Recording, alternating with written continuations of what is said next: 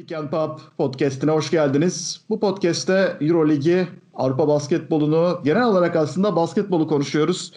Ben Uygar Karaca. Ee, burada yine ekibimizde e, önceki programlarda da e, dinlediğiniz Utkan Şahin bizlerle birlikte. Ekibimizde bu hafta Çağrı Turhan da var. Çağrı ekibe katıldı. Hoş geldin Çağrı diyorum. Hoş bulduk. Merhabalar. Evet Utkan Şahin'i e, zaten tanıyorsunuz. E, Eurohoops'taki yazılarından. Çağrı da yine yazıhanede e, bir dönem çok sık yazardı. E, Avrupa basketboluna dair ikisi de e, engin bilgilere sahip insanlar ve birazcık Euroleague gündemini konuşmaya çalışacağız. Hep birlikte bu programda şimdiden keyifli dinlemeler diyorum sizlere. Evet hızlıca başlıyoruz. Fenerbahçe. Fenerbahçe iyi gitmiyor. Fenerbahçe'de bazı sorunlar var. E, yenilgiler üst üste gelmeye başladı. Bütün İspanyol takımlarına e, yenilmiş oldu böylece. Real Madrid, Barcelona, Baskonya ve en sonunda Valencia. Valencia son bölümde geri döndü. E, Fenerbahçe üstünlüğü koruyamadı. Şunu e, belki e, söyleyerek burada konuyu açabilirim. Aslında geçen sene 11. maç haftasıyla değerlendirdiğimizde Fenerbahçe'nin o dönemde 4 galibiyeti vardı. Şu anda da 4 galibiyeti bulunuyor. Ama bir şeyler e, çok daha kötü gidiyor gibi sanki. Utkan? Valla ben o konuda çok endişeli değilim açıkçası. Yani sosyal medyada ve Twitter'da gördüğüm kadarıyla herkes e, oldukça Fenerbahçe'nin çok kötü gittiğine dair düşüncelere sahip ama ben o kadar karamsar değilim. Şu açıdan çok karamsar değilim. Evet çok büyük problemler var. Bunları konuşacağız zaten. Konuş, büyük ihtimal sezon boyunca da konuşmaya devam edeceğiz. Bazı uyumsuzluklar, bazı problemler var ve ilk 11 haftada iki tane ilk yarısını çok iyi oynadığım maçı, Bayern Münih maçı ve bu maçtan bahsediyorum. Bence maçın ilk yarısı Fenerbahçe sezonun en iyi basketbollarından bir tanesini oynadı. İlk yarı üzerinde evet. konuşuyorum. Ee, böyle dramatik iki şekilde kaybetmek ve birbirine benzer iki şekilde kaybetmek düşündürücü. Ee, ama Fenerbahçe'nin problemleri olduğu sezon başında da belliydi. Yani Fenerbahçe işte geçtiğimiz 6 yıldaki bir kadro gibi planlama yapmadı. Daha e, düşük hedefleri olan, daha e, geleceğe yönelik bir planlama yapan bir takım kurdular. E, o açıdan çok sürpriz değil yaşananlar. E, özellikle Dekolon sakatlığından sonra bu takımın düşmesi de çok büyük sürpriz değil. Hücum mer- merkezinde olan bir topçudan bahsediyoruz sonuçta. E, oraya bir Alex Press transferi yaptılar. Şanssızlık o da olmadı ki. Gerçi ben Alex Press transferini beğenmediğimi söylemiştim geçtiğimiz evet. haftalarda. Yani şöyle evet çok kötü gözüküyor. Sonuçta arka arkaya muharibetler alıyorsun. İşte Barcelona deplasmanı, Real Madrid deplasmanı, Baskonya deplasmanlarında kötü bir oyun oynayarak kaybediyorsun. Bugün elindeki bir Valencia maçını veriyorsun ama ben hala bu kadar karamsar değilim. Yani işte Fenerbahçe bu sezon bence hala playoff yarışında olabilecek bir takım. Evet. Ee, yani o e, çünkü daha sezon iki, iki ay yeni bitti. Yani her şey bitmedi. Yani böyle daha ocağa gelmedik, Şubat'a gelmedik. Problemleri olan ama aynı zamanda bazı şeyleri iyi yapan bir takım. Yani mesela ilk yarı üzerinde gayet iyi bir basketbol oynadı Fenerbahçe. Hücumda çok akıcıydı. E, Valencia'nın yavaş ayaklı uzunlarına karşı çok akıllıca bir hücum planlaması yaptı. Veseli iyiydi. Ama ikinci yarı özellikle yani soğumadaki bu düşüşün sebebini bence iyi çözümlenmesi gerekiyor Fenerbahçe'de. Yani ilk yarı 33 sayı attırıyorsun. Valencia çok iyi bir hücum takımı gibi gözükmüyor ilk yarı özelinde. İkinci yarı ama 57 sayıyorsun ve yani daha fazlasını da yiyebilirdi Fenerbahçe. Valencia boş şutlar da kaçırdı. Neden bu kadar iki tane dramatik kırılma olduğunu Fenerbahçe'nin çözümlemesi ve bir an önce çözmesi gerekiyor. Çünkü yani bu bu şekilde ilerlerse evet e, sıkıntı yaşayacak Fenerbahçe ama bunu bir çözmesi lazım. E, o açıdan ben düşündüğü kadar karamsar olmadığını ama çözülmesi gereken şeyler olduğunu düşünüyorum. Şimdi ben şunu ekleyebilirim. Çağrı e, senin fikrini alacağım e, şimdi. Ama ondan önce şunu ekleyebilirim.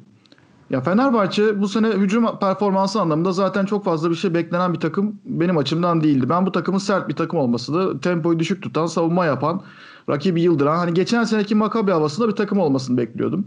Ama işler tam tersi yönde gidiyor. Yani savunmada inanılmaz gayretsiz bu takım. Baskonya maçından bir pozisyon paylaşmıştım ben. Ee, sosyal medyada, Twitter'da. Yani orada Veseli var, e, Bartel var, e, bir kişi daha vardı şimdi hatırlamıyorum. E, ya üçünün olduğu yerde e, kesinlikle ha Ulanovas, Ulanovas var. Üçünün olduğu yerde siz çembere yaklaşacaksınız öyle iterek falan e, ya posta falan da yüzü de dönük neredeyse iterek falan basket atacaksınız. Bunlar zor işler. Ya Fenerbahçe'de bir genel iletişimsizlik ya da genel organizasyonsuzluk ya da genel memnuniyetsizlik var bence. Yani takım içinde koçla oyuncular arasında olabilir, oyuncuların kendi arasında olabilir veya başka bir sorun olabilir. Çağrı ee, sen ne diyorsun? Yapısal bir sorun mu var yoksa e, bilemiyorum bu savunmadaki enteresanlık bana garip geliyor. Ya günlük performansa baktığında hani orada şu an için yeterli olmayan, çözülmesi gereken bir sürü noktadan bahsedebiliriz. Ama daha temelde ben evet yapısal bir sorun olduğunu düşünüyorum. Yani daha doğrusu bu takımın öncelikli konusunun bir performans üretim probleminden daha çok daim başından bir dizaynla, tasarımıyla yani takımın kurulma şekliyle ve biraz beklentilerle alakalı bir sorun olduğunu düşünüyorum. Yani şimdi bu takım üzerine eğer beklediğiniz mevcut yani düşen bütçe vesaire daha sert bir takım olacak.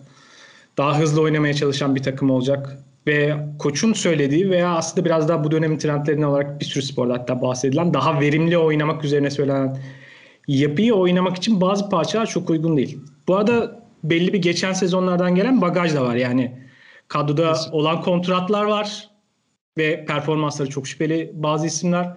Bunun dışında onların yanına alabileceğiniz karakterler, kişiler vesaire falan yepyeni bambaşka bir yapıya geçmeye çalıştığınız zaman sizi çok soracak duruma. Yani bir şekilde daha hızlı, belki bazı tercihlerden taviz veren, daha sert, daha fiziksel oynamak isteyen bir takım, daha sabırlı ve daha doğruyu seçme odaklı bir takımdan evrilmeye çalıştığı zaman biraz felsefeler de çatışıyor.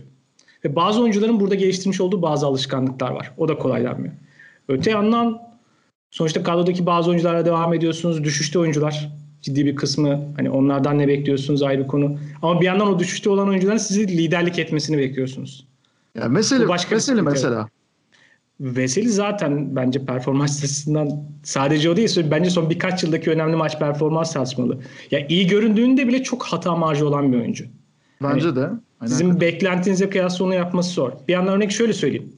Dekolo'yu bu takım üzerinde kullanabilirsiniz. Çünkü Dekolo'nun hem CSK'nın son zamanlarında hem de işte geçmişinden örneğin daha çabuk hücum etme alışkanlıkları var. O yüzden ona uyuyor. Orada skor üretebiliyor. Ama mesela geri kalan takımdaki bazı oyuncular yani geçmiş dönemden kalan oyunculara siz daha biz işte çabuk hücum mekanizmalar uygulayacağız zaman onlar mesela biraz daha kararsızlar. Ne yapacaklarını bilmiyorlar. Öte yandan hani kadroda tavanı yetenek tavanı çok yüksek olmayan bir sürü oyuncu var. Şimdi bu takımı yönetebilmek için böyle yapılardan verim alabilmek için biraz aslında mikro management'a ihtiyacınız var. Yani her detayını kurcalamanız gerekiyor. Sen burada duracaksın, sen buraya gideceksin, sen bunu yapacaksın, savunmada buraya kayacaksın. Böyle biraz ameliyata böyle bağıra çağıra onu yapmak gerekiyor. Çünkü evet. yetenek tavanı sınırlı ve her şeyi optimize etmeye çalıştığınız bir hani ancak o zaman rekabetçi olabilirsiniz.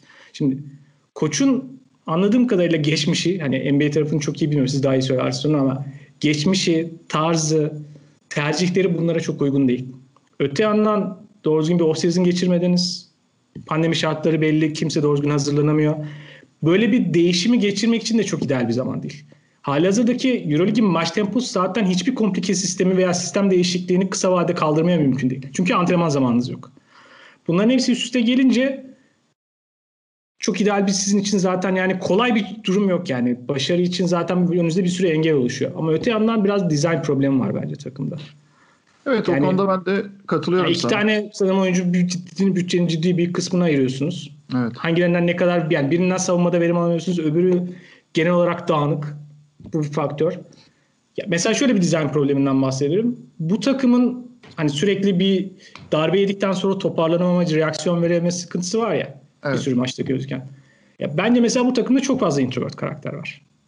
Yani birinin gerekirse biraz arıza karakterlere de ihtiyacım var. Yani takım yaparken onu da yapmaya çalışırsınız. O da bir ihtiyaçtır.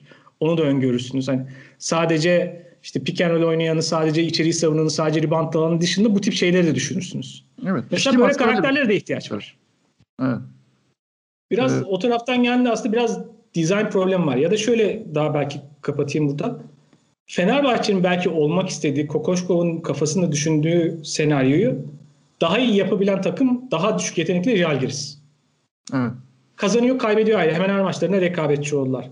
Hani oraya gitmeye çalışıyor ama oradaki yapıyı uygulamaya ne koçun kendi alışkanlıkları, mentalitesi uygun ne de buradaki beklentiler ve kadrodaki bazı oyuncular uygun. Biraz oraya gitmeye çalışıyor ama çok kolay değil. Ya aslında şurada bir parantez açmak istiyorum ben. Fenerbahçe Veseli ile yaz döneminde devam etmek istemiyordu. Yani onu ben net bir şekilde söyleyebilirim bilgi olarak e, Veseli'nin kontratı yani Veseli'nin kontratı sıkıntı oldu Fenerbahçe için ve Veseli Avrupa'da o kontratı bulabilecek başka hiçbir takım öyle bir kontrat vermediği için olay buraya geldi. E, yani Veseli kafalarında çok fazla yoktu. İlk başta yaz dönemin başında. ilk Kokoşko'nun geldiği dönemde. Yani Çağrı'nın dediği birçok şeye katılıyorum. Keza e, yapımsal bir problem olduğu sezon başında da belliydi. Ama işte %65'ini bütçenin bir kısmını harcayınca iki oyuncuya %65'in civarı bir parasını ödemek zorunda kalınca elinde çok fazla opsiyon kalmıyor. Ve bence Kokoşkov'la e, Gerardini orada şöyle bir planlamaya gitti. Yani biz 3 yıllık düşünelim ve burada alacağımız oyuncular işte e, Pierre'inden tut e, işte Lorenzo Brown'u kenara koyuyorum da Pierre, Eddie ve e, Jonathan Hamilton gibi oyunculardan hangilerinden verim alabilirsek bir e, kumar oynayalım, böyle bir yapı oluşturalım. Bunu yaparken de Veseli, Dekolo üzerinden bir yetenek planlamasıyla işte playoff'u zorlarsak bu sezon bizim için kardır mantığıyla ilerlediler. Çünkü ya uzun vadede ne de Dekolo ne de Veseli bu takımın e, geleceği olamaz. Zaten Dekolo'nun kariyerinin son bölümüne geldik. Veseli sakatlıktan beri ya öncesinde de tam bir lider oyuncu. Fenerbahçe'nin şampiyonluğunu hatırlayalım. Veseli takımın dördüncü oyuncusuydu. Ee, gene en çok alanlardan bir tanesiydi ama dördüncü oyuncusuydu. Hatta sezon boyunca da verimliliği oldukça düşüktü. Yani şimdi insanlar iyi bir şekilde hatırlıyor Veseli Udo ikilisini ama o ikilinin ucunda yarattığı çok fazla problem vardı. Neyse yani bir planlama açısından önümüzdeki 3 yıllık bir planlama yapıp işte bu seneyi bu şekilde idare edelim düşüncesi var bence Fenerbahçe'de.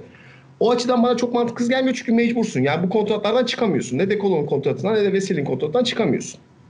Hatta bir ekleme yapayım orada bölüyorum sözünü ama yani Datome'yi Milano meraklı olmasa ondan da çıkamayacaklardı büyük ihtimalle. Çok büyük ihtimal. Çok büyük ihtimal. Peki. Ee, yani o açıdan çok da yani ben sosyal medyada eleştiri okuyorum işte şey ya neden bu var, neden şu var? E çünkü elde, elindeki bütçe de bu biraz ve bu, bu şekilde bir yola girmek zorundasın. Çünkü e, bütçe düşürüyorsun ve bütçenin %60'ını bir oyuncu geçmişten alıp götürüyor. iki oyuncu geçmişten alıp götürüyor. Ama şeye katılıyorum yani Kokoşkov'un özellikle son 4 maçtır tercihlerinden sorgulanması gereken ve geleceğe dair şüphe uyandıran çok fazla bölüm var. Yani mesela son çeyrekteki tercihleri, neden oyunu Lorenzo Brown'u yıkması ve sonra ma- maç sonunda şey açıklaması bana çok garip geldi. Ona hemen bir şey yapayım işte çok yorgunsanız e, sete uymanız gerekiyor tarzında böyle bir oyuncuya gönderme yapan, büyük ihtimalle Lorenzo Brown'a gönderme yapan bir açıklama yaptı. Yani iki ayda böyle sert bir açıklama yapmak ya da göndermeli bir açıklama yapmak da benim pek hoşuma gitmedi. Yani e, Lorenzo Brown çok kötü bir maç oynadı ve e, ilk iki maçını çıkartırsak Fenerbahçe kariyeri şu ana kadar parlak da başlamadı. Anlıyorum. Ama o zaman Lorenzo Brown'u kenara al. Oynatma. İstediklerini yapmıyorsa, dediklerini yapmıyorsa kenara al. Kenara almayıp onu oynatıp maç sonunda bütün tercihleri Lorenzo Brown'da bırakıp sonra da maç sonrasında yorgunsanız e, hücumu sete bırakmanız lazım nefes almak için tarzda bir açıklama yapması bana pek şık gelmedi açıkçası. Yani Lorenzo Brown'un e, konusu eğer açılmışsa madem yani Loren yani tabii herkes günah keçisi arıyor şimdi işte kimisi Kokoşkov yetersiz bir koç diyor falan hemen daha ilk günden e, böyle bir kanıya varmış durumdalar. E, objektif bir değerlendirme değil tabii ki yani adamın kariyeri ortada zaten. Ha bu kariyer Euroleague'e uyar mı uyumaz mı o ayrı bir şey onu zaman gösterecek ama elindeki kadro ve bu kadronun ne kadarını kendisini tamamen kurduğu konusu e, yani şu anda biraz ortada bir konu. Lorenzo Brown. Lorenzo Brown her şeyi tek başına yapmaya çalışıyor. Çünkü işte İspanya deplasmanlarında da gördük. Yani takım bir şekilde elindeki topu rakibe veriyordu. Hangi maçtı o? Barcelona maçı. E, Fenerbahçe topu karşı alana geçiremiyordu. Yani dün işte Slovenya-Ukrayna maçı anlattım bir tane. Ukrayna'nın ilk çeyrekte 33-8 geriye düştüğü bir bölüm vardı. Topu ellerinden veriyorlardı. Aynı öyle bir Fenerbahçe vardı. Dolayısıyla birileri tek başına bir şeyler yapmak zorunda. Dolayısıyla Lorenzo Brown da e, o inisiyatifi alma zorunluluğunda hissediyorsa kendini ki takımlarda olur bu. Birisi çıkıp gereğinden fazla iş yapmak zorunda kalır. Burada birinci sorumlu bu organizasyonu düzenlemekten mesul kişiler olmalı diye düşünüyorum. Kokoşkov'u dediğim gibi eleştirmek için veya bu takımdaki geleceğini tartışmak için daha çok ama çok erken bir dönemdeyiz. Bence senin dediğine katılıyorum Utkan. Fenerbahçe ee, çok kısa bir süre içerisinde istediği takıma dönüşebilir. Ya Ulanovas şu anda bence %20 %30'la falan oynuyor. Bundan çok daha iyisine çıkabilir. Ee, ama ben işte Kokoşkov'un verdiği mesajlardaki e, istikrarsızlıktan da e, biraz ne diyeyim e, hoşuma gitmeyen bir durum. Yani Tarık Biberovic'i bir maçta e, oyuna sokuyorsunuz, oynatıyorsunuz. Kenan Sipahi'yi aynı şekilde süre veriyorsunuz. Ama diğer maçta hiç ortada yoklar. Gerald Eddy enerji olarak daha düşük bir noktada. Ee, Ali Muhammed'in savunmada yarattığı problemler ortada ama ona mecbur kalınıyor. İşte eğer Lorenzo Brown son hücumda hani kendi başına bir şeyler yapmaya çalışıyorsa, sete sadık kalmıyorsa e, ya bunun da bir sebebi vardır. Demek ki e, güvendiği veya güvenmediği bir şeyler var diye düşünüyorum. O yüzden e, Kokoşkov'un durumunu tartışmamakla beraber biraz daha e, aktif olması ya da proaktif olabileceğini düşünüyorum.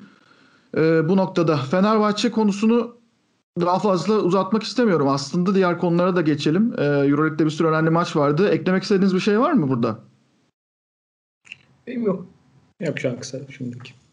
Evet Fenerbahçe'den artık e, bir toparlanma ileriki günlerde umuyoruz diyelim ama kolay değil e, bu düzende. Çağrı demin de senin söylediğin gibi e, kadrodaki bazı dizaynsal e, problemler sebebiyle. Anadolu Efes bu hafta kazandı. Anadolu Efes bir şekilde e, geçen seneki kadar e, top mesajlar vermese de o en iyi dönemindeki mesajları vermese de Euroleague finaline çıktığı dönemdeki mesajları vermese de e, 6 galibiyet 4 yenilgi. Kızılyıldız maçı kolay kazanılmış maç gibi gözüküyor ama ben yani şu o maçta şuna dikkat ettim. Ee, Anadolu Efes'in yani genellikle biz hücum yönünü e, son dönemde çok fazla konuştuk. Zaten onları e, geçen seneki başarı noktasına getiren şey de biraz o gibi gözüküyordu ama savunmadaki ilerleme e, gözden kaçmamalı bence. Her maçta sergilemiyorlar ama mesela işte e, Ergin Ataman'ın da özellikle Doğuş Balbay'ın performansını highlight ettiği e, bir dönemdeyiz. Panathinaikos maçıydı galiba. Doğuş'u bayağı bir övmüştü. Yani e, Buğra olsun, Simon olsun, Doğuş olsun. E, Sertaç'ın mesela pick and roll savunması bence şu anda Euroleague'de en iyiler arasında. Sertaç geri döndükten sonra bu katkı yaptı. Singleton çok iyi bir savunmacı ve Efes bir anda iyi bir savunma takımı yönünü de ortaya çıkardı bence. Ya şöyle Efes zaten geçen sezon e, ligdeki bütün savunma verimliliklerinde ilk üçteydi. Yani e, aslında yani çok iyi bir savunma takımı olarak kadar üstünde gözükmüyor ama sahaya uygulamada o verimliliği alabiliyordu Efes geçen sene. Bu sezon başında işte aslında Efes'le ilgili bütün konuştuklarımız hep aynı yere geliyor. Sezon başında Efes sakatlıklar ve işte sezona hazır olmanın etkisiyle oyuncular bazında bir özgüven problemi yaşadı. Ne oluyoruz'a geldi iş. Sonrasında iş yavaş yavaş çözüldükçe o eski ritmini bulmaya başladı. Akıcılığını bulmaya başladı. Yani Efes bence hala %65'inde 70'inde oynuyor bu arada. Yani Kızıldız deplasmanı zor bir deplasman. Sert bir problemli bir takım Kızıldız. Yani kolay yenebileceğiniz bir takım değil. Ona rağmen e, işi çözmeye başladı ama hala %65'inde bence Efes. Gittikçe daha yukarı çıkacaktır. Çünkü Larkin sakatlıktan döndü. Tam hazır değil.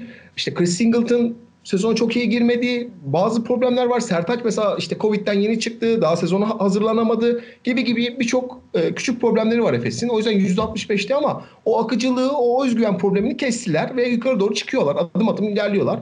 Bundan sonra da Efes için bu şekilde gidecek bence. Yani e, o yüksel yükselerek, özgüven yükselterek, e, işte o problemleri, küçük problemleri çözerek yukarı doğru ilerleyecekler.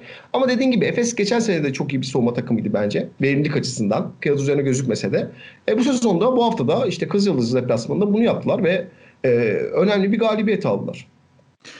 Evet, e, Efes'te Baskonya ile oynayacak bu hafta. Galibiyet serisine devam etmek için e, İstanbul'da iyi bir maç diye düşünüyorum. Baskonya kolay bir takım, kolay bir rakip değil tabii ki ama e, dişini geçirebileceği bir takım diye düşünüyorum. En azından bir galibiyet serisi kurmak adına.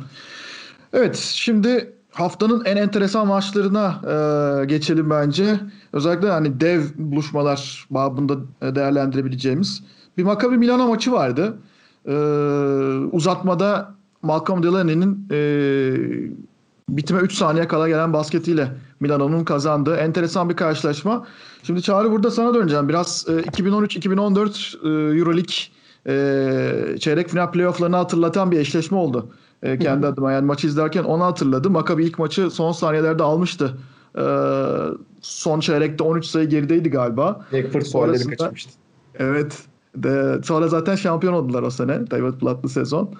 E, Milano'da da Luka Alex Bank var. Tyson, pardon sözünü kesin de Alex Tyson Avrupa'da hala kontrat almasının sebebi bence o o playoff Doğru söylüyorsun. O acayip bir e, seriydi zaten o. Zaten o senenin Maccabi'si de çok farklı bir noktada bence.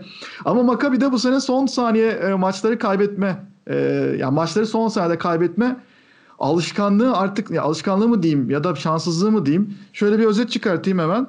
Sonra sözü sana bırakacağım e, Çağrı. Harrison Aaron Harrison'a Olympiakos'a karşı son saniye basketiyle kaybettiler. Ceska ve Bayern maçlarını da yine yakın farkla kaybetmişlerdi. Himki maçını e, uzatmada aldılar. E, Tyler Dorsey'nin e, kahramanlıklarıyla. Efes maçı Boboa'nın turnikesi vardı. Sonra Wilbeck'ini bloklamıştı e, Boboa. Onu Efes öyle aldı. Yani Maccabi öyle kaybetti. Valencia maçı Dublevic topu çaldı. Van Rossum'un turnikesi geldi ve şimdi Milano maçı kazanmak üzerelerdi. Kevin Panther'ın 3 artı 1'i yani üçlük artı bir de serbest atışı.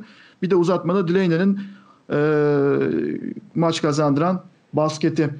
Maccabi'de geçen seneye göre gidişat biraz daha sanki problemli gibi ama bu yakın yenilgiler e, yardımcı olmuyor onlara. Ya bu arada orada bir nokta ekleyeyim. Yani muhtemelen bu maçların bazılarında Wilbeck'in son bir dakika kenara çıksalar herhalde artı 3 galibiyet yazarlardı yani. Fantastik tercihler geldi. Gene bu maçta hatta var. E, o ayrı konu. Yani onları biraz daha toparlarlar. Şimdi Maccabi'nin oynadığı oyun geçen sezon tabii ki çok gerisinde çünkü başka çok farklılaşan bir yapı var kadro üzerinde. Onu şöyle açıklamaya çalışayım. O yüzden şu anda oynadıkları oyun veya sanırım galiba toplamda eksi 5 yani 3-8 olup galiba averajları sadece eksi 5 yani bu çok mantıklı bir rakam değil. Muhtemelen o zaman içerisinde de kendini dengeleyecektir. Onlar galibiyetleri de al, almaya başlayacaklar diye düşünüyorum yakında ki sezonun in başından itibaren sürekli performans en azından oyun olarak daha iyiye gidiyorlar. Gördüğüm o. Sezon başında çok daha kötü durumdalardı. Evet. Biraz şöyle geriye gideyim. Geçen sezon Maccabi niye çok iyiydi? Niye sıra dışıydı? Bu sezona göre ne değişti? Ben geçen sezonki Maccabi sezon başlarken o takımın çok iyi bir yere gidebileceğini düşünmüyorum açıkçası. Hiç öngörmediğim basketbol oynadılar. Hatta Sferopoulos ki sevdiğim bir koçtur. Evet. Yani o kültürel olarak onların uyumlu olmayacağını düşünüyorum. Çünkü Maccabi'nin geçmişinde ve kültür olarak hatta İsrail basketbol ile alakalı olarak sürekli yüksek tempo, hücum odaklı takımlar ve o seyirciyle bitleşen bir şey var. Bir yapı var ve onun avantajlarını kullanıyor. Onların bir rekabet avantajı yani. Diğer bir sürü takıma göre bunu kullanabiliyorlar. Evet. Şimdi Sprepous'un ona uygun bir basketbol olabileceğini düşünmemiştim. Ama oraya şöyle bir adaptasyon yaptılar. Geçen sonraki takım geleneksel artık görülen işte sahaya daha yayılan, daha fazla üçlük atan takım modelinin dışına şöyle çıktı. Mesela alışık olmadığınız seviyede içeriye pas yapılan, içeride 3 tane içinde paslaşmanın olduğu, diğer takımların çok alışık olmadığı, savunmayı da öngörmedikleri bir yapı vardı mesela. Bunun gibi böyle bir sürü onlara ters yapıyı uygulayarak kendilerine farklı bir ters takım avantajı yarattılar. İçerideki uzunlar işte hem Otel Hunter vardı. Onun dışında dışarıdaki bazı oyuncular farklı ama mesela Quincy Ace orada çok kritikti. Tekrar Evet. takıma katıldığında bence çok şey değiştirebilir. Evet. Orada inanılmaz sert bir savunma vardı. Yani içerideki oyuncular her eksiği kapatan çok mobil uzunlar. Dışarıdaki oyuncular da çok iyi savunmacılar çoğu olmamasına rağmen onlara çok agresif oynama ve baskı yapma fırsatı sunuyorlardı. Bir yandan bunları alışık olma şekilde çok sert bir savunma takımı haline getirdi. O savunmanın etkisiyle kazandıkları toplar, yarattıkları etki onların hücumuna yansıdı. Bir anda böyle bambaşka ters bir takım oldular. Ve o ters takım uzun süre gitti yani. Düşmeye başlamışlardı bu arada. Yani Mart'ta Evet. biraz daha o takımın yetenek tavanının etkisi görmeye başlamış. Biraz daha geriye düşmeye başlamışlardı. Şimdi bu sezonki takım o takımın sahip koyduğu o rekabet avantajlarını yansıtamıyor. Çünkü öyle bir uzun grubu yok. Dani Avdia'yı biraz arıyorlar. Çünkü Dani Avdia'nın hani maç başına 30 sayı atıyordu onu arıyorlar değil. O orada çok sert bir oyuncuydu. Fiziksel bir oyuncuydu. Agresif bir oyuncuydu. Onu arıyorlar mesela. Onun gibi faktörleri arıyorlar. İşte Otel Avantı şu anda tek başına orada. Ne Žižić ne de şu an rehabilitasyon sürecinde olan Bender oradaki o savunma etkisini yansıtabilecek o mobil uzun profil değiller. Başka şeyler sunabilirler. Özellikle de hücum tabanını başka bir noktaya getirebilirler. Eğer zaman içerisinde takım bunlara adapte olursa onlar da performansını yükseltebilirlerse. Belki başka bir takım olur ama geçen sezonki rekabet avantajını sahaya yansıtacak bir takım yok. O yüzden de geçen sene kadar ürkütücü bir takım haline gelmiyorlar. O performansı sahaya yayamıyorlar. Başka ufak tefek bir sürü şeyden bahsederiz. Wilbeck'in tercihleri veya bazı optimize edilmesi gereken noktalar ama geçen seneki takımdan temel farkı bu. Yani gene hep böyle bir takımı kurarken, tasarım yaparken bu takımın rekabet avantajı ne diye başlıyorsun? İlk başta sorduğun sorulardan bir tanesi. Geçen sezon onu buldukları bir yapı vardı. Onun arkasına geri Evet. kalan alt aşamaları inşa ettiler. Bu sezon için ise o avantajı yansıtabilecek bir yapıları yok. Ve oradaki aslında içeride kaybettikleri belki Quincy Ace'i yani şimdiye kadar bekleme yanlış. Bence belki diğerlerinden daha kritik bir eksik oldu şu zamana kadar. Ve onu toparlamaya çalışıyorlar. Adapte olmaya çalışıyorlar. Bu arada Ya- yani gene Sferopoulos çok iyi toparlamış durumda bence hala. Yani Evet yani Sferopoulos zaten o konuda doğaçlama yapma konusunda Olympiakos'tan getirdiği bir pratik vardı. O zaman da elinde çok böyle büyük bütçeler yoktu. Eski büyük bütçelerden uzaktı ama o bir şekilde o takımı toparlamayı başarmıştı. Ee, şimdi şunu düşünüyorum. Yani Utkan sana döneceğim burada da. Hani belki bir insider bilgin vardır veya e, Çağrı sende de olabilir. Yani neden izin verdiler Quincy Ace'inin, Jalen Reynolds'ın, işte e, geçen sene kimler vardı? Ee, Amar Stoudemire'ı bir kenara bıraktın zaten de o sonradan gelmişti. Tarık Black.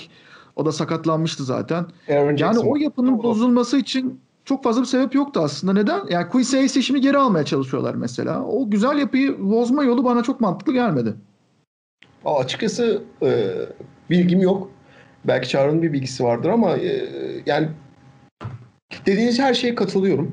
Dediğiniz her şeye kesinlikle katılıyorum ve e, bence de Hayes'i vazgeçmeleri büyük bir hataydı. Şu an zaten geri dönüyor bildiğim kadarıyla ama e, ben başka bir pencereden bakmak istiyorum izniniz olursa.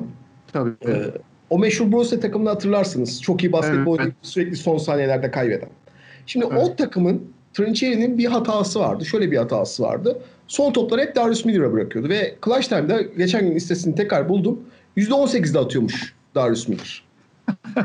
Okey. Yani bu geri dönüyorum Maccabi'ye. Daha girişte anlattığın gibi bu sezon en azından 6 maçın 3'ünü Wilbeck'ine bırakmasalar kazanabilirlerdi. Evet. Ve sürekli hala Wilbeck'ine bırakmaları. Bırakmadıkları tek maç Kimki maçı. Gerçi Kimki'yi herkes yeniyor. O farklı bir nokta da. O maçta da Tyler Dorsey e, sazı eline aldı ve maç başka bir noktaya gitti.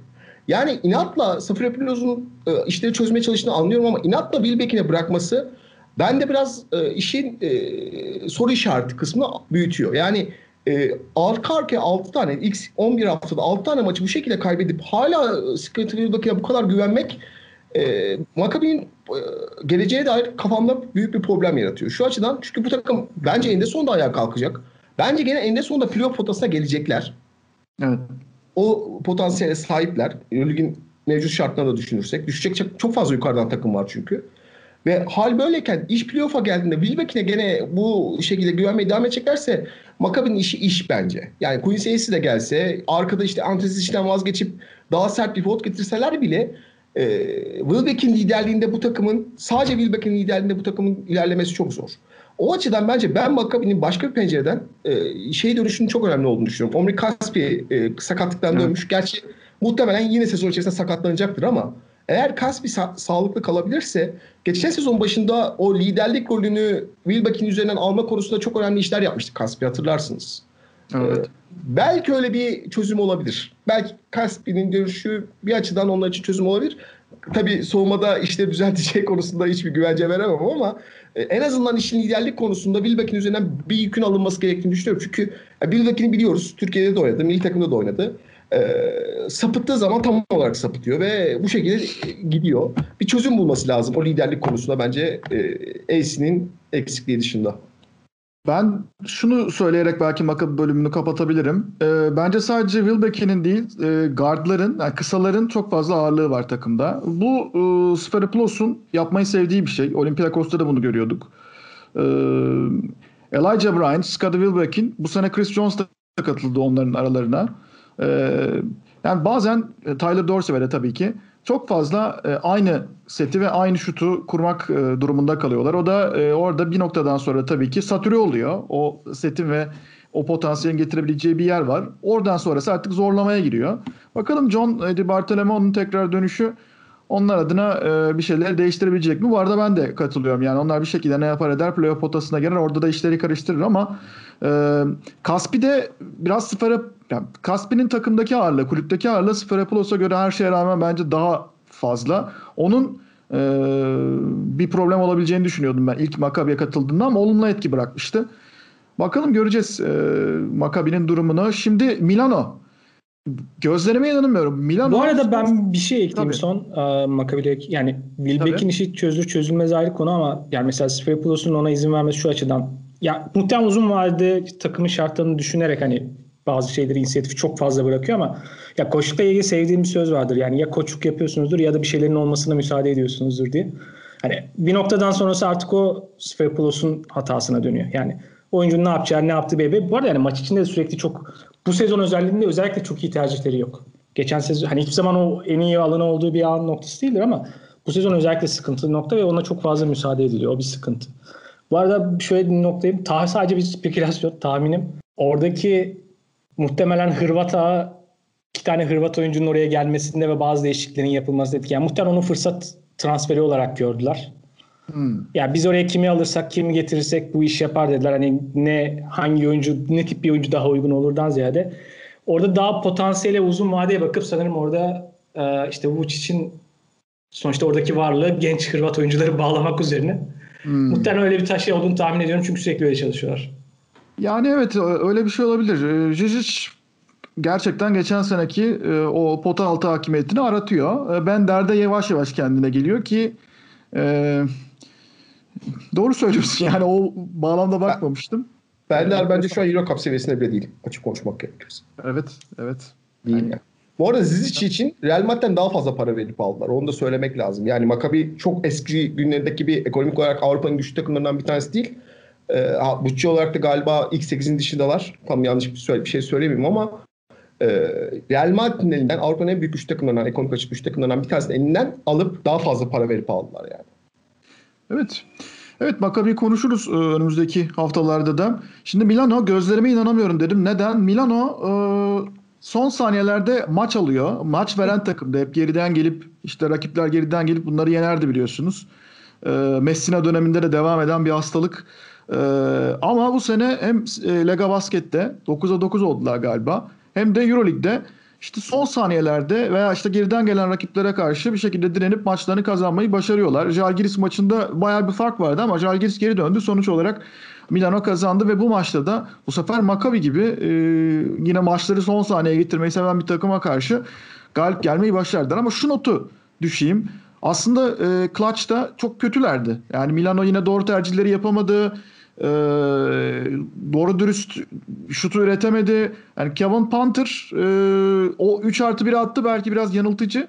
Çünkü o dönemi de o bölümü de çok iyi oynamadılar aslında ama bir şekilde maçları kazandılar. Acaba Milano için bu sene o sene olabilir mi diyeceğim. Çağrı senle devam edelim Milano konusunda. Bence Milano'nun geçen sezondan tek farkı biraz yani galibiyet tanesinde biraz daha artıda görünmeleri.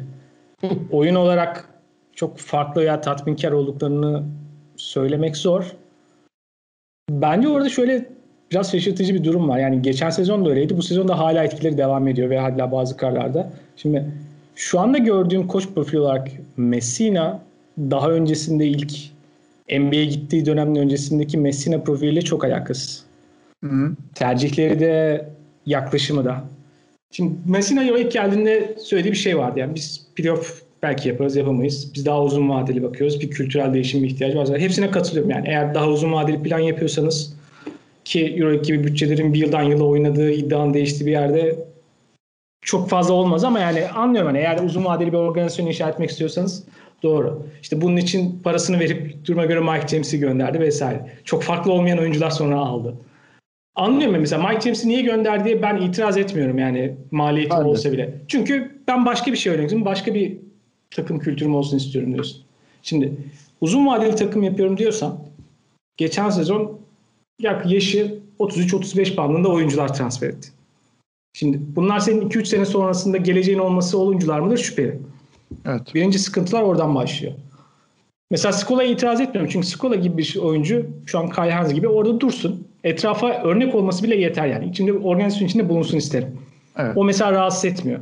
Ama gidip Sergio Rodriguez tekrar gitme veya kadronda Misol'la uzun vadeli düşünmem falan çok anlamlı gelmiyor. Ve geçen sezonun durumuna bir tekrar bakıyorum. Sürekli birileri geldi gitti yani. Özellikle kısalardan memnun değil. Biri geliyor, biri geliyor. Bu sezon biri geldi. Birileri daha gelir gider bu arada. Hiç şaşırmıyorum. Yani muhtemelen olasıdır. Şimdi bir şekilde sürekli çok önem affettiğiniz pozisyonlarda birileri gidip geliyorsa siz ya ne istediğinizi tam bilmiyorsunuzdur ya da oradaki oyuncuyu anlayamıyorsunuzdur. Ya, muhtemelen bunun ikisinde bir yerde sıkıntı var ve ikisi de açısı çok endişe verici. Öte yandan sıfırdan bir takım oluşturmaya başladığınız zaman onun gereksinimleriyle koçluk açısından da kadro açısından da olan bir yapıyı ileriye taşımaya çalıştığınızda olan gereksinimler birbirinden çok ayrışıyor. Messina'nın basketbol olarak en etki bıraktığı iki takım benim açımdan iki Benetton'dır daha sonrasında ilk CSK dönemidir. İkisinde de birbirinden aslında çok farklı basketbollar ama o yapıyı başkaları kurdu. O ince ayarları yaptı. Muazzam ayarlamalar yaptı. Ama ana kurucu ve o yapının ana inşa edicisi o değildi. Daha sonra Real Madrid geldiğinde bunun çok ideal çalışmadığını gördük biraz. Sıkıntılar oldu. O dönemin başka şartları var. Sadece ona bağlamak lazım ama. Ama şu anda Milano her şeyden ise kararını kendi verdi. Kendi kurduğu bir yapı var. Hı hı. Yapıda sürekli birileri geliyor gidiyor. O bir sıkıntı. Bence uzun vadeli ne kadar bir yapı kurduğundan şüpheliyim. O başka bir sıkıntı. Bahsettiğim yaş konuları da var. Ama daha kötüsü şu sahada gördüğüm nokta çok fazla şeyi aynı anda yapmaya çalışan bir takım. Yani 10 tane belki farklı konuyu bir arada yapmaya çalıştığın zaman hiçbirini yapıp böyle önce temeli inşa edeyim, bir iki şey iyi yapayım, sonra üçüncüyü, dördüncüyü ekleyeyim noktasına gelemiyor. Ve bir takım inşa etmeye çalıştığın zaman önce temelini yavaştan inşa edip biraz sancılı da olacaktır. Onu yapıp daha sonra öteki aşamalara geçmeye çalışmak da yani hücum setinin komplikasyonları da böyle detaya girdiğinde oyuncuların dakikalarının dağılımı, sorumluluklar, rollerin paylaşımındaki belirsizlikler de böyle. Ve daha kötüsü son bir söyle bakayım. Ya bu maçtan sonraki demecinde Messina memnun gibiydi. Yani önemli bir zor maçtı. Kazandık, şutları soktuk falan. Ya şu kadar o ya son maçın son 5 dakikası artı uzatmaları o kadar kötü tercihler yaptılar ki. Ya bundan evet. memnun oluyorsa Messina bambaşka biri olduğundan artık hani daha da emin oldum.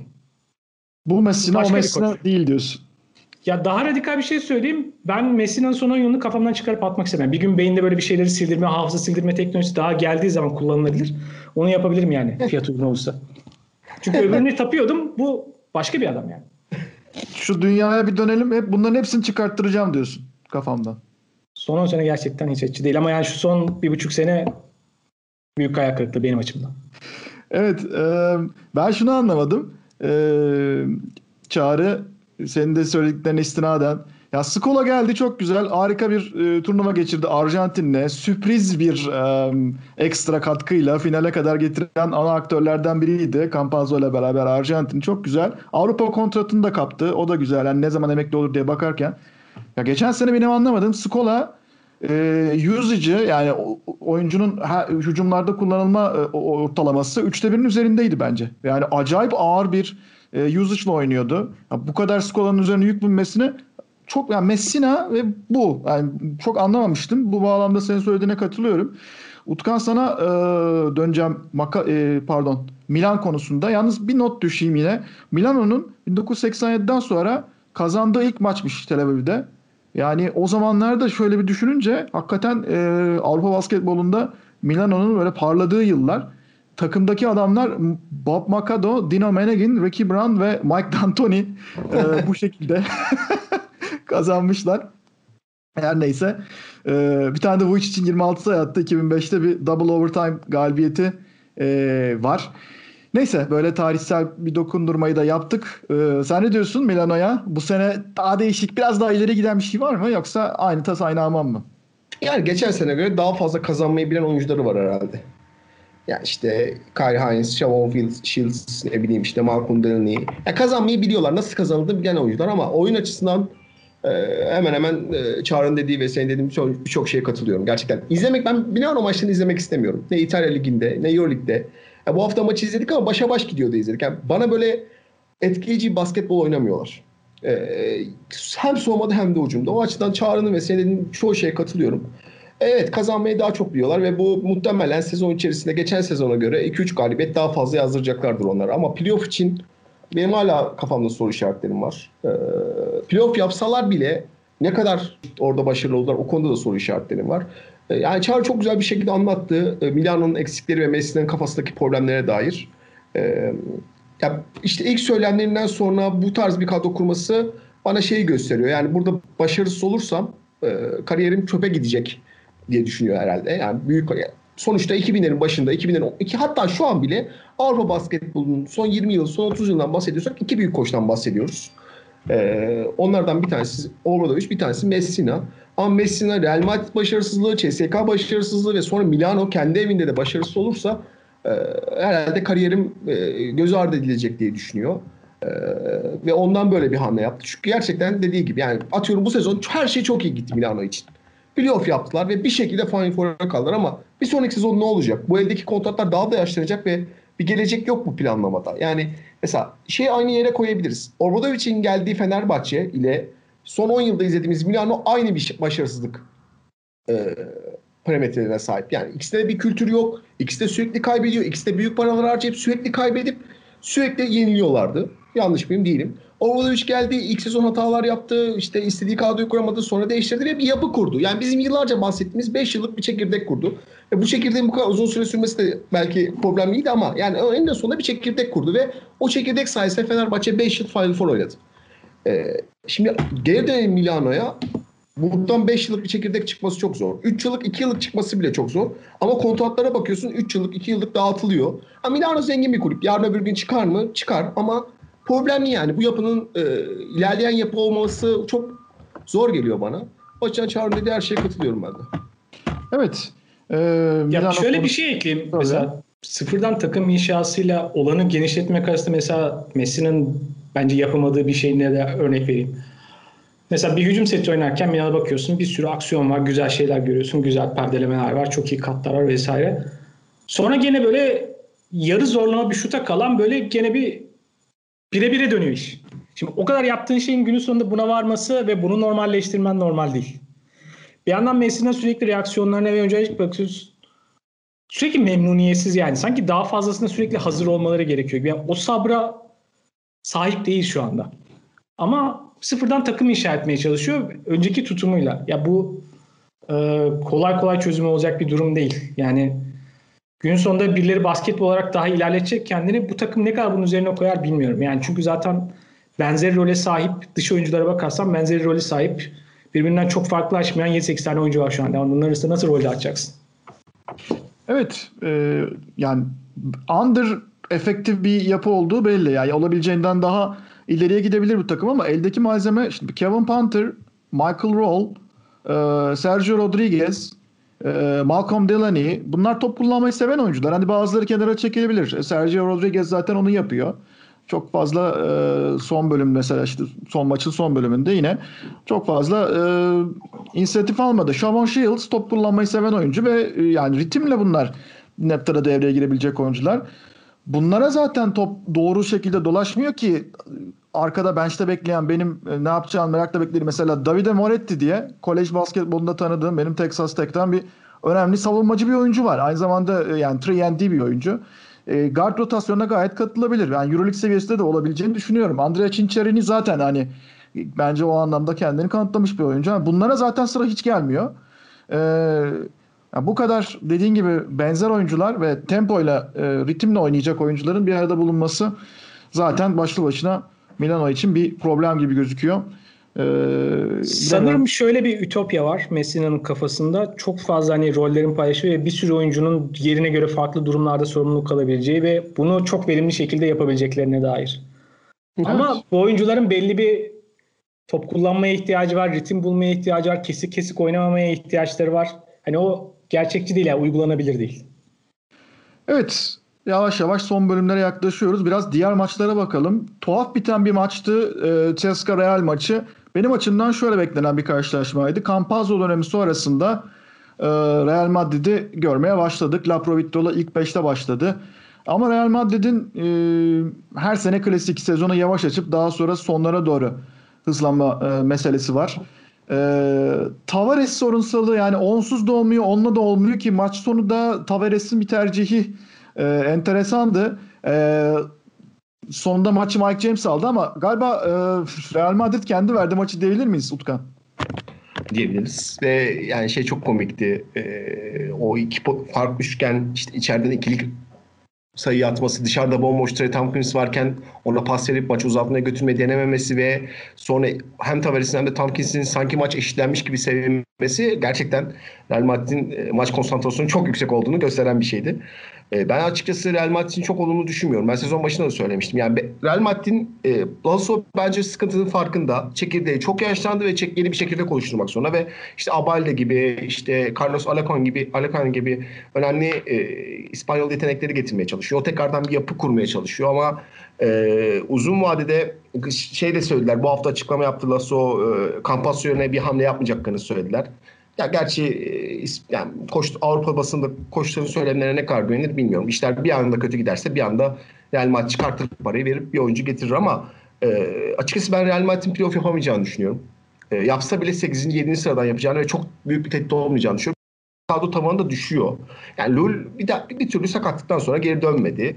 E, Rudy Fernandez her yıl bel sakatlığı daha kötüye gidiyor. E, bu takımın işte Cammasso gibi çok önemli bir yönlendiricisi ve lideri vardı. O şimdi gitti. O, o rolü kim dolduracak? O rolü dolduracak bir oyuncu yok. E, diğer parçaların hep zaten uzun rotasyonu Tavares'in arkasına kimi koyacakları hep soru işareti. Ee, işte Trey Tompkins şut atarsa oluyor ama işte başkalarını oynatmaya çalışıyor gibi gibi gibi. Real Madrid'in çok fazla problemi var. Ee, yetenek tabanları da eskisi kadar güçlü değil.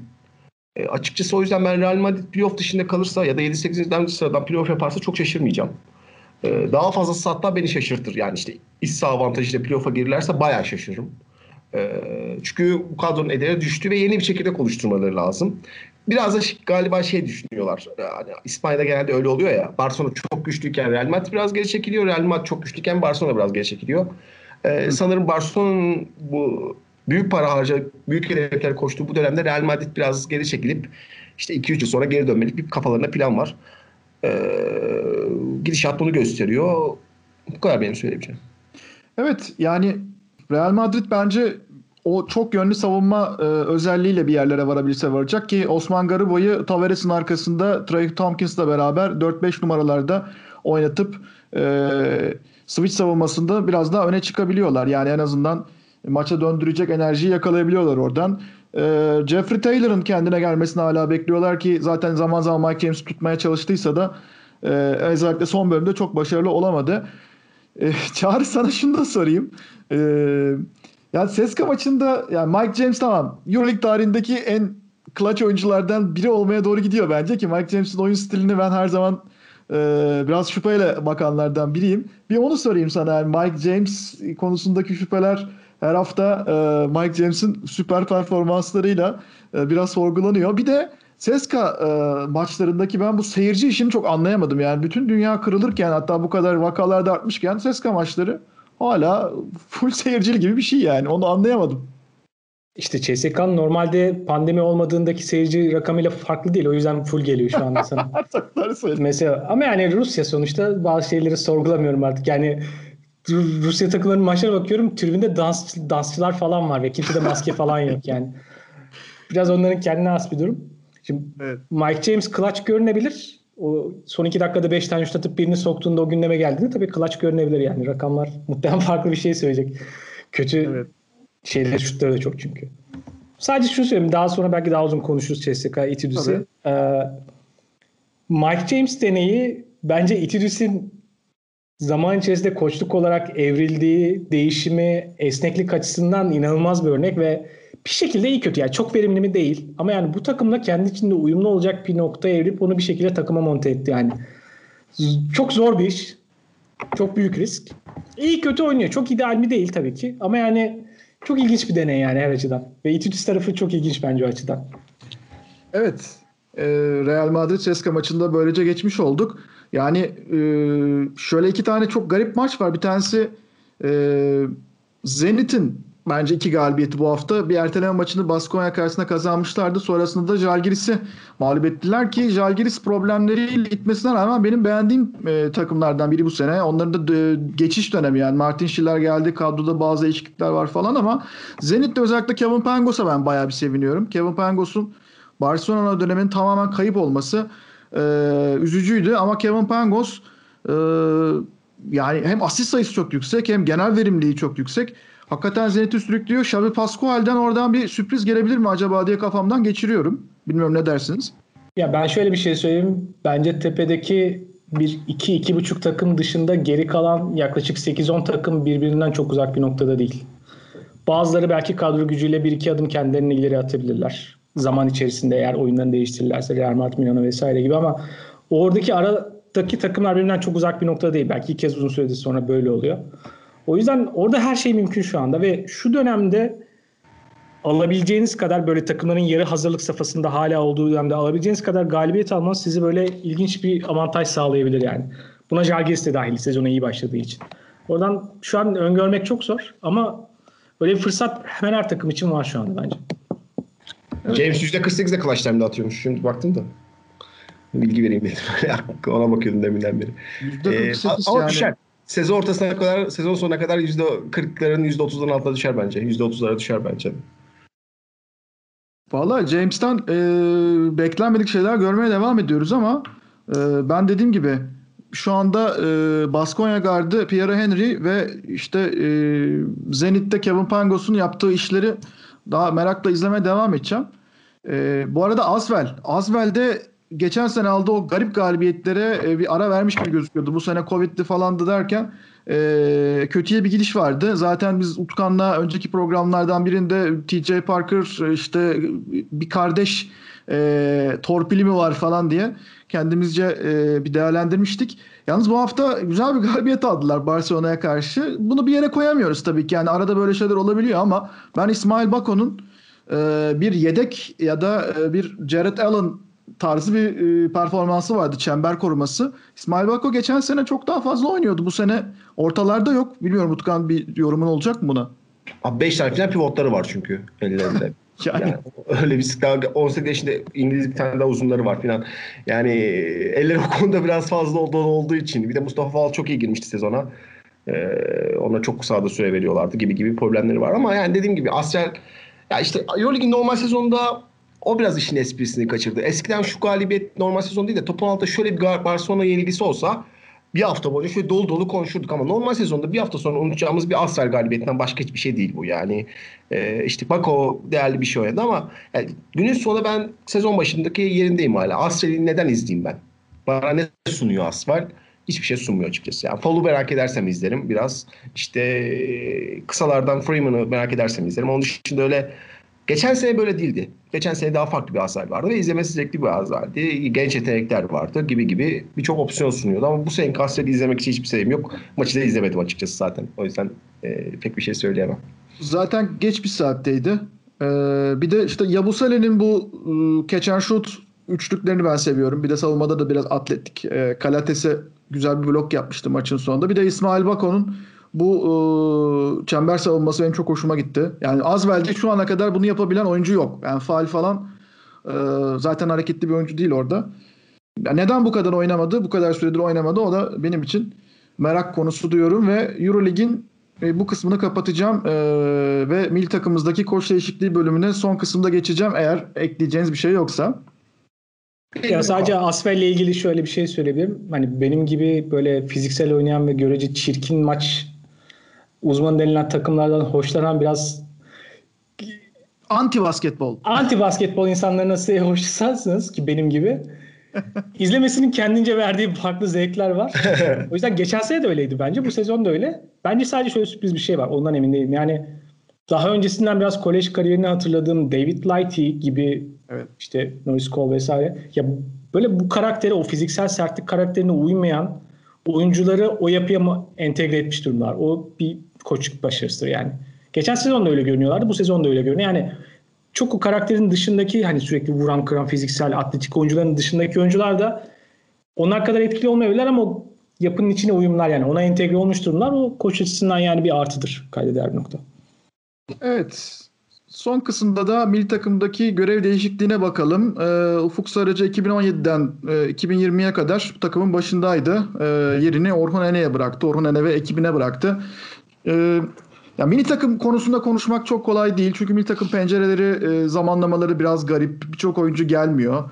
Biz de zaten Eurobasket'te Letonya grupta kaybetmiştik. Sonrasında da e, e İspanya'ya yenildik son 16'da. Bu arada Letonya'da e, çeyrek finalde Slovenya'ya, o turnuvanın şampiyonuna yenildi. Yani o kadar da e, kötü değil gibi aslında buradan bakınca ama İspanya'ya kaybettik. Bir şey yapamadık. Neyse ev sahibi olduğumuz bir turnuvaydı. Dünya Kupası Amerika'ya e, biliyorsunuz meşhur 4 serbest atıştan birini sokamayıp kaybettik uzatmada. Sonra Çeklere yenildik ve tek iki galibiyetimiz Japonya, Karadağ ve Eurobasket elemeleri. Hollanda'ya, İsveç'e ve Hırvatistan'a kaybettik. Yani Hırvatistan maçını daha başka bir yere koyuyorum ama e, gerçi o yeni dönemde olmuştu ama Hollanda ve İsveç maçlarından sonra e, Eurobasket tehlikeye girdik. Bir Hollanda ve İsveç maçımız daha var önümüzde çok önemli. İki tane maç hala Eurobasket'i kurtarabiliriz.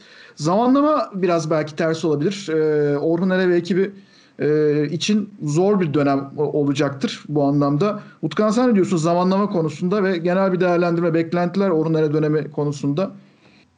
Federasyon neyi doğru yapıyor ki bunu doğru yapsın? Yani geldiklerinden beri bir açıklama bir açıklama tutmayan, herhangi bir konuda hiçbir şey yapmayan, sadece yani hükümet desteğiyle gelmiş bir kurumdan bahsediyoruz ve açıkçası çok da sürpriz değil yaşadıklarımız. Yani işte Ufuk Sarıca çok iyi bir dönem geçirdi mi? Hayır geçirmedi. Bahsedebileceğimiz elle tutulan bir maç bile yok. İşte belki en önemli başarımız Amerika'ya kaybetmek. Tamam çok iyi özel bir maçtı ama o Amerika takımı da zaten e, günün sonunda nereye gideceği belli olan bir takımdı. Ee, diğer maçlara bakıyorsun. Çekya işte e, kazanamadığın bir maç. Yeni Zelanda'ya kaybettik. Yani o geleceği olmayan bir yapıydı ve Sarıcan'ın dönemin başarılı olmadığını söyleyebiliriz. Gidip gitmemesi benim federasyon eleştirme noktam değil söylediğim gibi. Neden bunu e, milli maçları 10 gün kala ve spekülasyonla işte Larkin'i istememiş de işte o yüzden gönderilmiş de yani her şeyimiz gerçekten dedikodu üzerine dönmüş bir ülkeyiz biz. Sürekli dedikodu yapalım. Böyleymiş, şöyleymiş, şu olmuş. Yani ben koçun Larkin'i istemediğini düşünmüyorum. E, açıp sormadım bile yani çıkıp konuşmak gerekirse. Larkin'i istemeyen bir koç zaten koçluk yapmaz. Öyle bir şey olduğunu imkanı bile kafamdan geçmiyor benim. Evet. Diğer problemli alanlarda da hiçbir sıkıntı yok. Bence orada biraz ilişki yıpranmıştı ve Ornane hazır boştayken çünkü Türkiye'de genelde böyle oluyor. Ornane'yi bir yere getireyim dedi. Ben Ornane'yi Orhun Hoca'yı çok severim ve Tofaş'la kurmaya çalıştığı şeyi çok kayda değer buluyorum. Özellikle Türkiye Ligi'nin gittiği şu e, ekonomik krizdeki yere düşünürsek.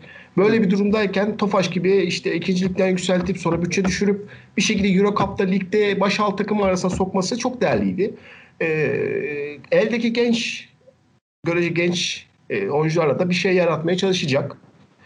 E, beklentiler çok yüksek Türk milli takımlar ama e, o kadar beklentiye girecek kadar elimizde yetenekli oyuncular var mı? Ben bundan çok emin değilim. Yani 2000'lerin başından beri gele, süre gelen Türkiye kadrosuyla şu an elimizdeki Türkiye kadrosu aynı seviyede değil. Yani iyi kötü Türkiye'nin 2000'ler boyunca NBA'de iki tane büyük önemli yıldızı Ersan gibi bence yıldız olabilecek ama kendi kariyer kendi karakteristik sebepleri yüzünden olamayan bir oyuncusu ve Avrupa'da Euroleague'de önemli süreler alan oyuncuları vardı. Şimdi e, değiştirme oyuncuları bir kenara koyalım. Euroleague'de 20 dakika süre alacak bir Türk oyuncu yok halihazırda. Evet. Ee, işte önemli bir takım ilk 5 olabilecek oyuncusu yok. Ee, genç oyuncuları var. işte gelişim gösteren oyuncuları var. İşte bu sene Berkan Durmazları'dır. işte Alperen Şengün'dür. E, Şengün'dür. işte e, Şeymus. Şevmuz, Berk e, önemli gelişimler gösteriyorlar ama onların tavanlarını beklemek zorundayız. Onların tavanlarıyla bu takım bir yere gidecek. E, o açıdan e, düşünüldüğü kadar da Türkiye mesela şeyleri falan görüyorum. Türkiye Olimpiyat Grup elemelerinden çıkabilir. Hayır çıkamaz. Ben size söyleyeyim. Kan- Kanada şeyinden çıkamaz Türkiye. Çünkü öyle bir yetenek seviyesine sahip değil. Ee, öyle bir planlaması da yok. Yani bu gençleri bugün e, nasıl ortaya çıkartacağız, nasıl oynatacağız, nasıl bu üst seviyeye adapte edeceğiz? Zaten yılların problemi. 80, al- meşhur 87 jenerasyon da aynı şeyi yaşadı. Yani meşhur 87 jenerasyonda Türkiye'nin 30 yaşını gören tek topçusu Ersan galiba. Zaten o da 87 değildi. Ee, yaşı şey olduğu için o şeyden kurtuldu. İşte Cenkler, Oğuzlar, Semihler çoğu gitti bitti bile. E, bu sonraki 94, 95, 96 jenerasyonlar işte altı madalyalar kazanıldı ama nasıl kazanıldığını hepimiz biliyoruz. Sürpriz değil. E, sadece işte e, o bu yıllardır süre gelen problemler gene devam ediyor. Bu federasyon kaldığı sürece ve Türkiye değişmediği sürece de devam edecek. Anlık başarılar, anlık galibiyetler, anlık şeylerle sevineceğiz. Bu, bu böyle devam edecek. O açıdan ha Orhun ne gelmiş. Çok sevdiğim bir insan olmasa rağmen ha Orhun ne gelmiş. Ha Ergin Ataman gelmiş. Ha başka biri gelmiş. Türkiye'deki problemler değişmez. Evet. Ee, sadece sevindiğim tek bir şey var. Alperen Şengün çok güzel bir basketbol oynuyor. Hırvatistan maçında da e, evet e, 30 yaşındaki Miro kaç yaşına gelmiş Miro Bulan çok iyi maç çıkardı ve zaman zaman soğumada büyük problemler yaşadı Alperen ama 18 yaşında daha yeni yeni kariyerine başlamış bir çocuk olarak 3. çeyrekte koyduğu o e, özveri ve işte sertlik o ayağa kalkma çabası benim için çok değerliydi ve çok sevindim açıkçası. E zaten ligde şu an izlemesi kaydeder tek oyuncu olabilir ligi izlemek için. E, o yüzden ben Alperen için çok mutluyum. E, umarım böyle oyuncular görmeye devam ederiz. Evet, Orhun Hoca zaten hani Banvit döneminde de Euro Cup'ta fena işler yapmamıştı. Orada da e, genç oyunculara süre vermişti. E, işte İzzet Türk Yılmaz'dı, Şafak Edge'ydi o dönem. E, Erol Cançinko'ydu o dönem. Yine e, süre alıyordu. Şeymus Azer ve Alperen Şengün'den bahsettik. Orhun Hoca'nın e, döneminde e, milli takım e, ma katkıları çok daha artabilir. Keza işte Tofaş'ta Berkan Durmaz, Berk Uğurlu, Muayme Mustafa, Bora Satır gibi isimler de e, entegreydi ve geçen sene belki e, Covid araya girmese e, o takım Euro Cup'ta daha farklı yerlere gidebilirdi. Umuyoruz diyelim. E, kapanışta eklemek istediğiniz bir şey var mı beyler? Benim yok. O zaman çok teşekkür ediyorum sizlere. Çok keyifli bir sohbet oldu. Ee, umarım haftaya yeniden buluşuruz sizlerle. Ee, izleyicilerimize veda ediyoruz. Bu programın sonuna geldik. Pick and Pop'ta önümüzdeki hafta görüşmek üzere. Hoşçakalın.